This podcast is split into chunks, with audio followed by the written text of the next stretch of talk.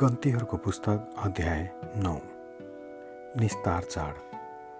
इजरायलीहरू मिश्रबाट निस्किआएका दोस्रो वर्षको पहिलो महिनामा सिनैको उजाड स्थानमा परमप्रभुले मोसासित यसो भनेर बोल्नुभयो इजरायलीहरूले तोकिएको समयमा निस्तार चाड मानुन्। यसै महिनाको चौधौँ दिनमा साँझमा तोकिएको समयमा तिमीहरूले यो मान्नु। त्यसका सबै नियम र विधि बमोजिम तिमीहरूले मान्नु। तब तिमीहरूले निस्तार चाड मान्नुपर्छ भनेर मुसाले इजरायलीहरूलाई बताइदिए। तिनीहरूले सिनैको उजाड स्थानमा पहिलो महिनाको चौधौँ दिनको साँझमा निस्तार चाड माने। परमप्रभुले मोसालाई दिनुभएका सबै आज्ञा बमोजिम इजरायलीहरूले गरे। तर मान्छेको लास छोएर अशुद्ध भएका कतिपय मानिसहरू थिए जसले त्यस दिन निस्तार चाड मान्न सकेका थिएनन्।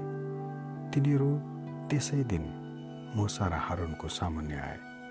ती मानिसहरूले तिनलाई भने मान्छेको लास छोएर हामी अशुद्ध भएका छौँ। तोकिएको समयमा हामीले इजरायलीहरूका साथसाथै परमप्रभुमा आफ्ना बलि किन चढाउन नपाउने? मुसाले तिनीहरूलाई भने पर्ख परमप्रभुले तिमीहरूका विषयमा के आज्ञा गर्नुहुन्छ? म थाहा पाऊँ।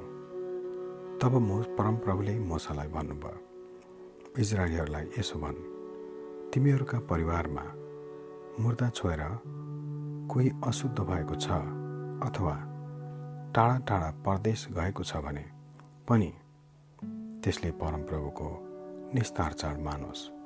दोस्रो महिनाको चौधौँ दिन साँझमा तिनीहरूले यो मानुन्। तिनीहरूले थुमा अखमिरी रोटी र तितो साग समेत खाउन्।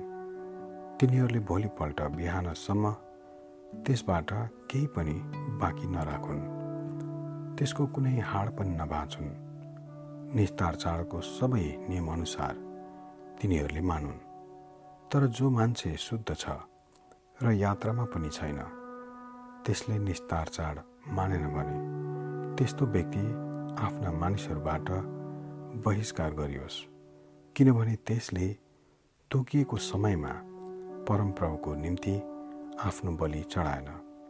त्यस मानिसले आफ्नो पापको दण्ड भोगोस्। यदि तिमीहरूका बिचमा कुनै विदेशीले प्रवास गरेको छ र त्यसले परमप्रभुको निम्ति निस्तार चाड मान्न खोज्छ भने त्यसले निस्तार चाडका नियम र विधिअनुसार त्यो मनाओस्। विदेशी र स्वदेशीको निम्ति तिमीहरूको एउटै नियम होस्। पवित्र वासस्थानमाथि भएको बादल। पवित्र वासस्थान गवाई पार्टीको पाल खडा गरेको दिन बादलले त्यसलाई ढाक्यो। पवित्र वासस्थानमाथिको त्यो बादल साँझ परेदेखि बिहानसम्मै आगोको जस्तै रूप देखा पर्यो। यो सधैँ यस्तै हुन्थ्यो। दिनमा बादलले ढाक्थ्यो र राति आगो जस्तो देखा पर्थ्यो। जब जब पालमाथिबाट बादल हट्थ्यो तब तब इजरायलीहरू प्रस्थान गर्थे र जुन ठाउँमा बादल अडिन्थ्यो त्यही नै इजरायलीहरूले पाल टाङ्थे परमप्रभुको आज्ञामा इजरायलीहरू प्रस्थान गर्थे र परमप्रभुकै आज्ञामा तिनीहरूले पाल टाङ्थे पवित्र वासस्थानमाथि बादल रहन्जेल तिनीहरू छाउनीमा नै बास बस्थे।